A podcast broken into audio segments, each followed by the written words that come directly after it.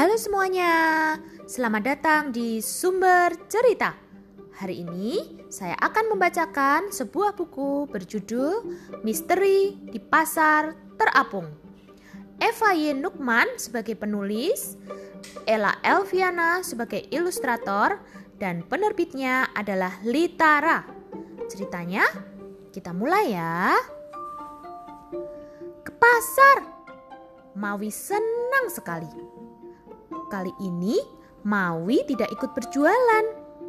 Cukungnya hanya berisi beberapa sisir pisang. Sekarang semakin banyak orang menggunakan uang.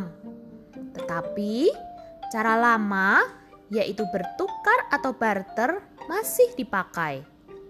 Untuk itulah pisang yang Mawi bawa.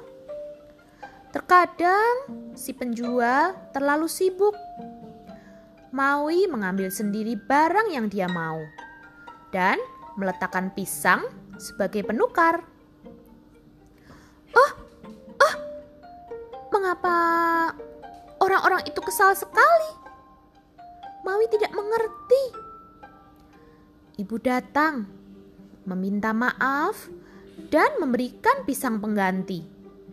Maui juga meminta maaf, tetapi dia tidak merasa bersalah. Maui berbalik dan berhenti. Cukungnya berayun-ayun mengikuti riak sungai. Dia mengamati orang-orang di sekitarnya. Siapakah yang telah mengambil barang-barang tadi tanpa permisi? Tetapi pandangannya sering terhalang. Cukung-cukung hilir mudik silih berganti. Maui menepi.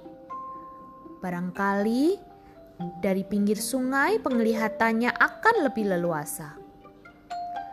Ada banyak cukung, ada banyak pedagang. Maui tetap tidak bisa mengamati semuanya. Apalagi cukung-cukung itu selalu bergerak.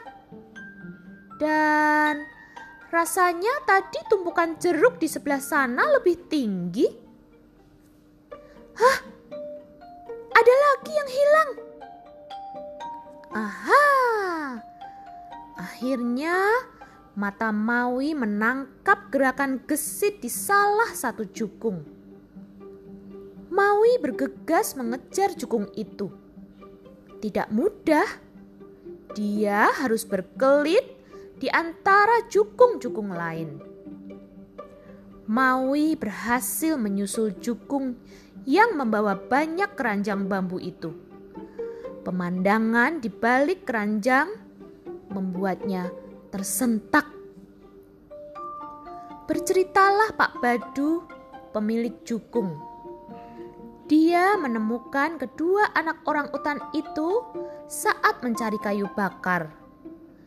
Induk orang utan terluka parah terkena jerat. Pak Badu tidak berhasil menyelamatkannya. Kedua anak orang utan itu masih terlalu kecil untuk hidup sendiri. Pak Badu tidak ingin pemburu menangkap mereka. Tetapi Pak Badu juga tidak tahu apa yang harus dilakukannya selain membawa mereka pulang. Mawi tahu. Mawi mengajak Pak Badu ke tempat penangkaran orang utan. Pusat penangkaran ini tempat yang cocok buat kedua anak orang utan itu. Di sini mereka dipelihara dan dilatih agar suatu saat nanti bisa kembali dilepas ke hutan. Akhirnya, semua bisa bernafas lega.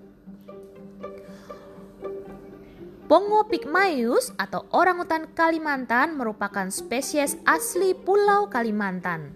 Sekarang, orangutan terancam punah disebabkan perburuan dan berkurangnya habitat akibat deforestasi para pemburu menangkap orang utan dan menjualnya di pasar gelap. Untunglah, saat ini di Kalimantan sudah banyak didirikan pusat rehabilitasi untuk menyelamatkan orang utan. Di samping flora dan fauna eksotis, Pulau Kalimantan juga memiliki banyak sungai besar seperti Kapuas dan Barito. Penduduk setempat sangat bergantung pada sungai. Mereka memanfaatkan sungai untuk transportasi dan bahkan pasar. Pasar-pasar seperti ini disebut pasar terapung. Pembeli maupun penjual mendayung jukung atau sampan untuk berpindah dari satu tempat ke tempat lain. Yang menariknya, di sini terkadang masih digunakan sistem barter, yaitu barang dibeli atau ditukar dengan barang, bukan dengan uang. Ceritanya sudah selesai ya. Terima kasih sudah mendengarkan cerita hari ini. Ditunggu cerita-cerita selanjutnya yang lebih asik lagi. Dah.